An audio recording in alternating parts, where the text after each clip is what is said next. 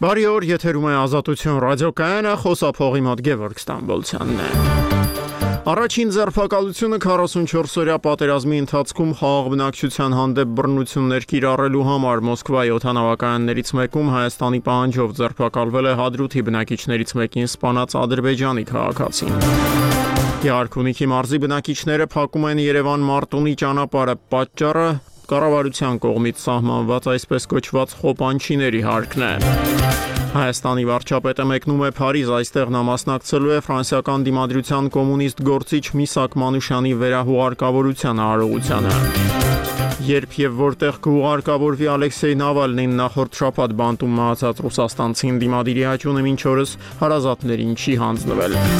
Նախ սակայն այս ժամի լուրերը ներկայացնում է Լուսինե Մուսայելյանը։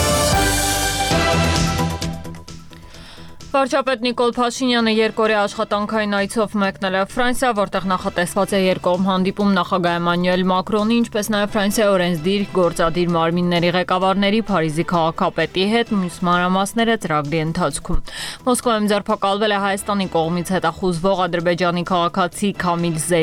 Զեյնալին, Հայաստանի ներքին գործերի նախարարության խոսնակ Նարեկ Սարգսյանն ազատությանը փոխանցել է, որ նշված անձի նկատմամբ սպանության մեղադրանքով միջազգային ազգային հետախուզում է հայտարարված, այլ մանրամասներ հայաստանյան իրավապահները դեռ չեն հայտնում։ Ազատության տվյալներով ադրբեջանցին մեղադրվում է 2020 թվականի պատերազմի ժամանակ Հադրութի երկու բնակիչների սպանությունների համար։ Ռուսական զորքերը վերջին 24 ժամվա ընթացքում հրթիռային օթային լայնածավալ հարձակումներ են իրականացրել Ուկրաինայի զինված ուժերի դիրքերի բնակավայրերի ուղությամբ։ Հայտնում է Ազատության ուկրաինական ծառայությունը վկայակոչելով պաշտոնական աղբյուրները լրատվամիջոցի համաձայն առաջ Առաջնագծում 1 օրում գրանցվել է 66 ռազմական բախում։ Շահեդանոթաչու թրջող սարքերի գիշերային հարձակման հետևանքները պարզվում են հրետանային կրակի տակ են հայտնվել 100-ից ավելի բնակավայրեր։ Փետրվարի 17-ին Ավդեևկայի անկումից հետո նախագահ Զելենսկին հայտարարել է իրավիճակը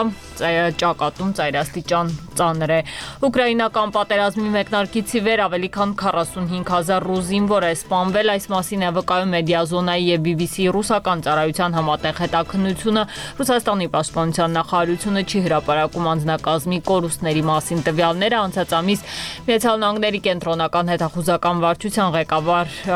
Ուիլյամ Բերնսը հայտարարել է, որ Ուկրաինայի դեմ պատերազմում վիրավորվել կամ զոհվել է առնվազն 315000 ռուս զինվոր։ Եվրամիությունը հաստատել է Ռուսաստանի դեմ պատժամիջոցների նոր փաթեթը, որը 13-րդն է Ուկրաինան Մոսկվայի լայնածավալ ռազմական ներխուժումից ի վեր ըստ Reuters-ի սահմանապահ շրջափակումները կտարածվեն շուրջ 200 կազմակերպությունների անհատների վրա, սակայն սև ցուցակում հայտնված նոր ոլորտներ չկան։ Շնորհակալություն Լուսինե, շարունակում ենք թողարկումն այսօր առավոտյան հայտնի դարձավ, որ Մոսկովյան օթանավակայաններից մեկում ձերբակալվել է ադրբեջանցի քաղաքացի Քամի, ադրբեջանի քաղաքացի Քամիլ Զեյնալին։ Այս լուրը կարող էր աննկատ անցնել, եթե ադրբեջանցի ֆիթնես մարշչին ռուսական ոստիկանությունը ձերբակալած չլիներ Հայաստանի պահանջով 2020-ի հոկտեմբերին Հադրութի բնակիչների սպանության կասկածանքով թեման մանրամասնում է Նաիրա Բուլադարյանը։ Ռուս ոստիկանները գիշերը Մոսկվայում ձերբակալել են Հայաստանի կողմից հետախուզվող ադրբեջանցի Ադրբեջանի քաղաքացուն, որին ազատության տեղեկություններով Հայաստանում մեղադրում են 44-օրյա պատերազմի ժամանակ Հադրութի երկու խաղաղ բնակչի սպանության համար։ Հայտնի ֆիթնես բլոգեր Քամիլ Զեյնալիին ոստիկանները բերման են ենթարկել Դոմոձեդովո օթանավակայանում Բաքու վերադառնալիս։ Ձերբակալության ժամանակ նա ուղիղ եթերով պատմել է, որ իրեն են մտեցել ոստիկանները հայտնել, որ Հայաստանն իր նկատմամբ միջազգային հետախուզում է հայտարարել դեռ անցած տարվա մայիսից եւ որ նա պետք է Ռուսաստանում կանգնի դատարանի առջև Դամատերով համատեղ аэроպորտuna məni saxladılar.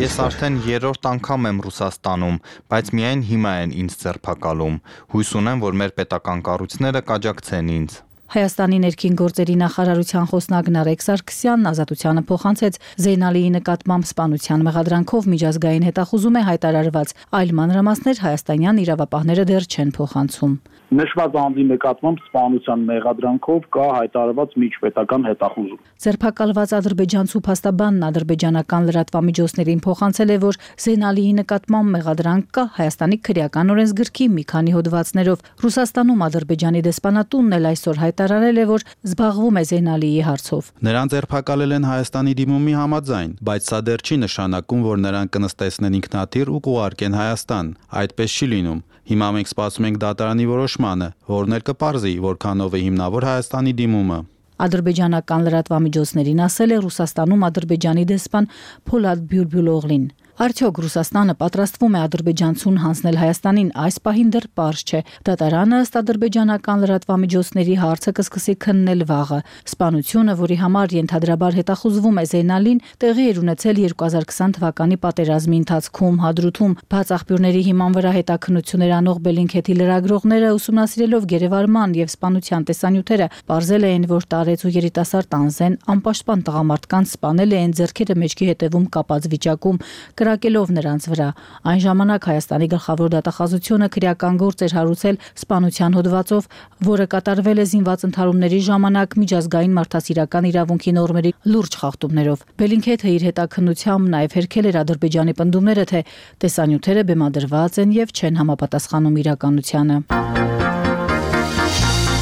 Ներքաղաքական քննարկումների գլխավոր թեման շարունակում է մնալ իշխող քաղաքացիական պայմանագրի վերջին շրջանի ամենավիճահարույց նախաձեռնությունը նոր սահմանադրության ընդունումը ընդդիմադիրները շարունակում են պնդել, որ Փաշինյանի կառավարությունն այս քայլին դիմում է Ադրբեջանի եւ Թուրքիայի պահանջով եւ որ եթե գործը ի վերջո հասնի հանրակրվեի, ապա ոչի միասնական ճամբար է ձևավորվելու այս թեմայի շուրջ Կարլեն Ասլանյանն այսօր զրուցել է Դաշնակցական Իշխան Սաղաթելյանի հետ։ Արդյոք կմասնակցեք արտահերտ ընտրություններին, եթե դրանք անցկացվեն համանadrական հանրակրվեին զուգահեռ եւ այս իշխանությունը եթե անցկացնի։ Նախ համանadrության հանրակրվեի մասին Մենք այսօրվանից վերջի 10 օրվա մեջ գրեթե ամեն օր տարբեր մարզերում, քաղաքներում սկսել ենք հանդիպումների շարք մեր ժողովրդի հետ, մեր քաղաքացիների, որոնց բացատրում ենք այն բոլոր վտանգները, որ գոյություն ունեն նաև համանadrական հանրակրվե տեղ ունենալու դեպքում։ Այսինքն մենք չենք նստելու սպասենք եւ առաջկայում ավելի լայնածավալ մասշտաբով աշխատելու ենք մեր ժողովրդի հետ։ Ճակատեք ձևավորում։ Այո, իրենք իմ կարծիքով փորձում են ուսումնասիրել հասարակության տրամադրությունը, եթե տեսնեն կհաջողա նոր վերջնական որոշում կայացնել։ Մենք մեր աշխատանքով պետք է հասնենք նրան, որ իրենք հասկանան դա անհնարին է։ Իսկ ինչ վերաբերում է արտերտ ընտրություններին, ակնհայտ է, որ եթե իրենք գնան արտերտ ընտրության, այդ ընտրությունը փորձելու են ծառայացնել իրենց վերարտադրման համար եւ փորձելով դա ներկայացնել նոր լեգիտիմության պաշար եւ Ադրբեջանի հետ խաղաղության պայմանագիրը ստորագրելու եւ այն մյուս կորցանարար քաղաքականությունը, որ որթեգրել են ավարտին հասցնելու ուղղությամբ։ Կգա ժամանակը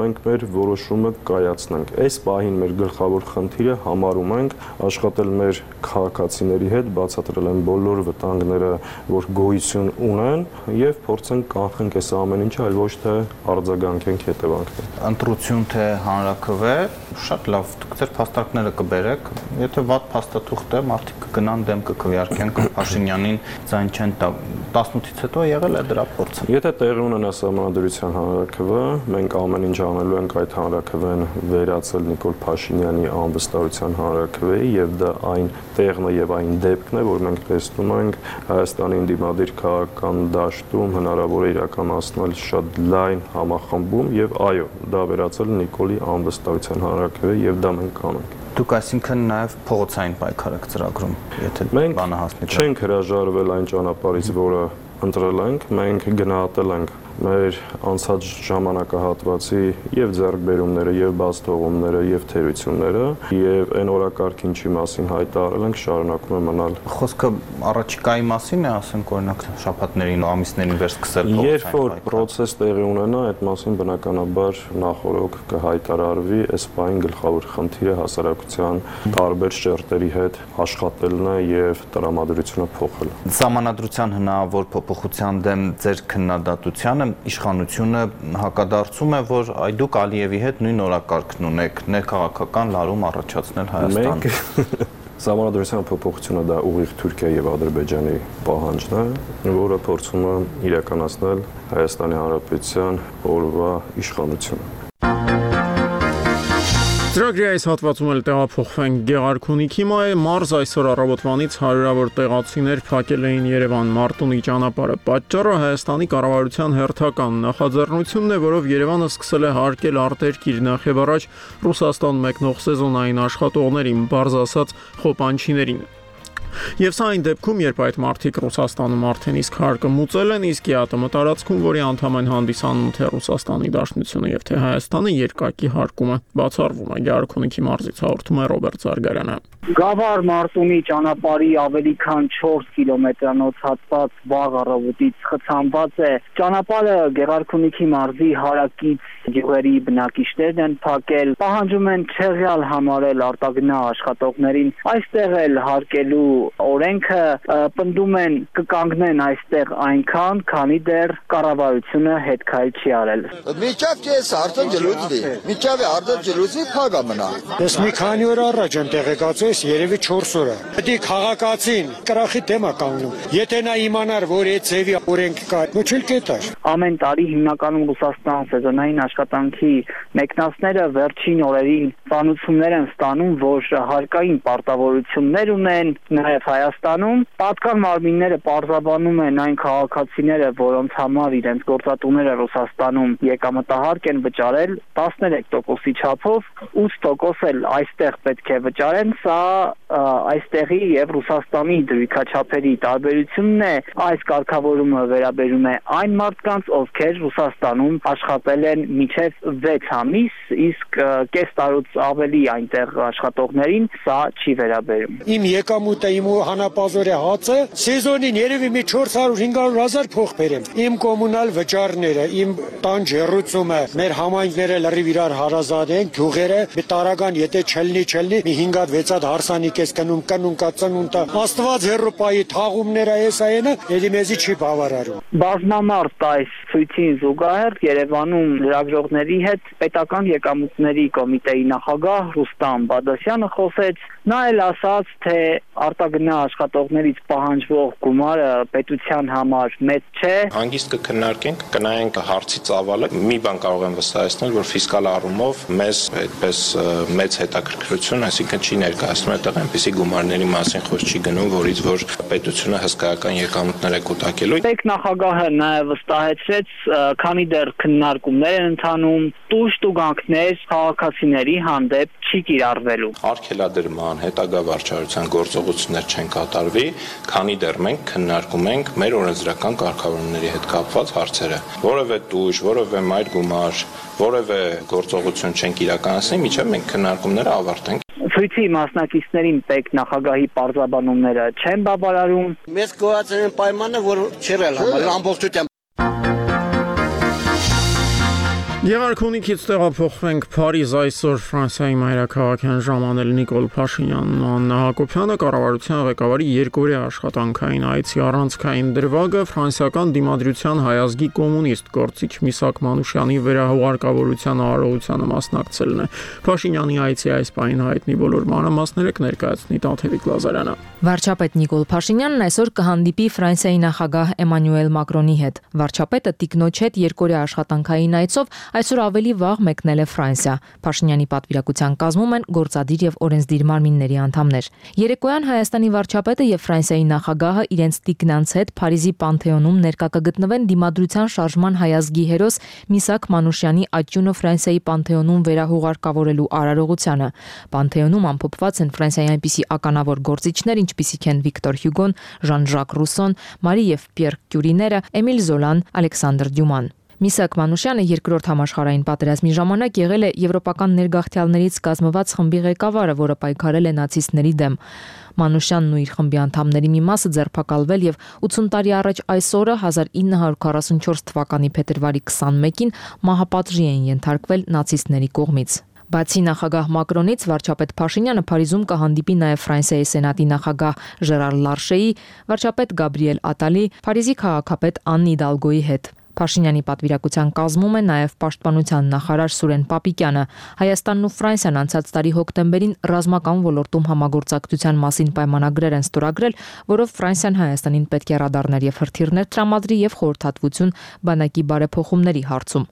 Հայ-ֆրանսիական համագործակցության վերաբերյալ շատ կոշտ է արտահայտվում Ադրբեջանը։ Փարիզի եւ Բաքվի միջև հարաբերություններն այդ պատճառով լարված են։ Ֆրանսիան եւ Ադրբեջանն անցած տարեվերջին դիվանագետների են արտաքսել։ Բաքուն մեղադրում է Փարիզին հարավային Կովկասում կայունությունը խաթարելու միակողմանի մոտեցման եւ հայամետ դիրքորոշման համար փաստացի բոյկոտելով Ֆրանսիայի մասնակցությամբ բանակցային հանդիպումները։ Վարչապետ Փաշինյանը վերջերս էր Փարիզում նոյեմբերին մասնակցում էր խաղաղության 6-րդ համաժողովին, Փաշինյանը համաժողովում հայտարարեց. Բաքվի քարոզած այսպես կոչված արևմտյան Ադրբեջանի հայեցակարգը Հայաստանի դեմ նոր պատերազմի նախապատրաստություն է։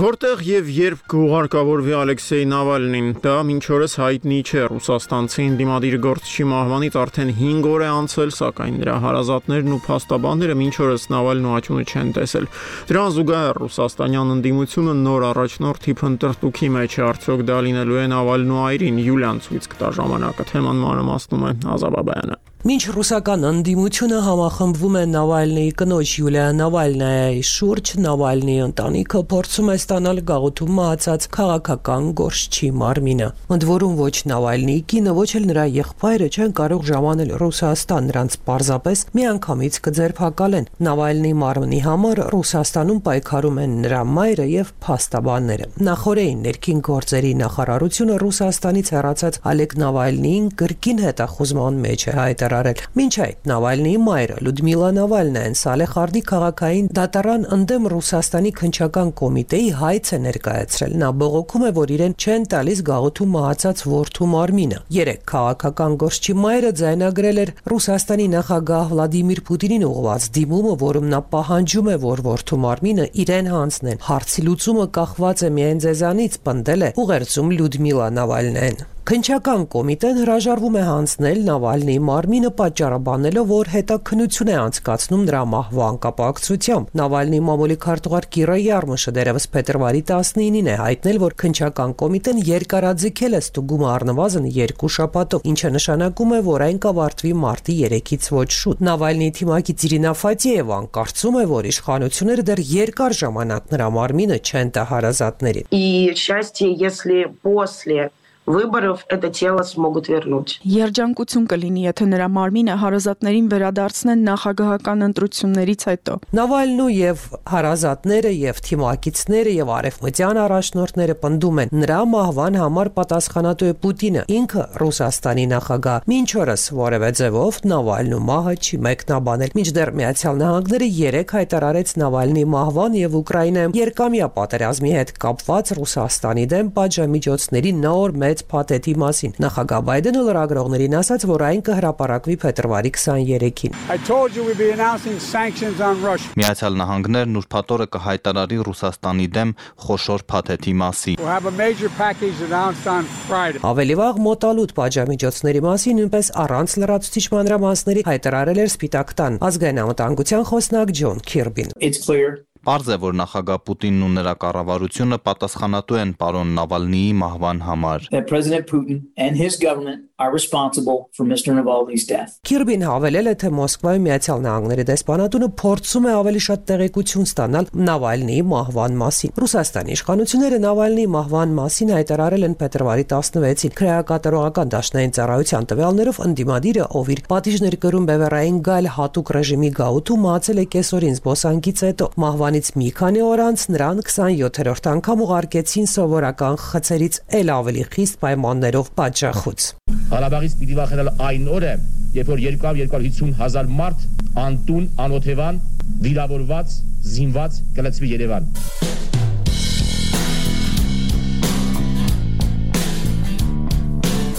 Ղարաբաղի հարցը մեր ժողովուրդը արդեն լուծել է Արցախը երբեք չի լինելու Ադրբեջանի կազմում եւ այս խնդիրը ճունի ռազմական լուծում։ եկեք դադարեցնենք այս բանը, հա, ինչ եք բանակցում։ Ինչ որ պետք է անեն բանակցում ենք։ Կյանքը ցույց կտա, թե ով ինչ է արել Արցախի համար եւ ով է իրականում ծախում այն։ Նորագույն պատմություն։ Երրորդ հանրապետությունն ազատության աչքերով։ Արցախը Հայաստան է եւ վերջ։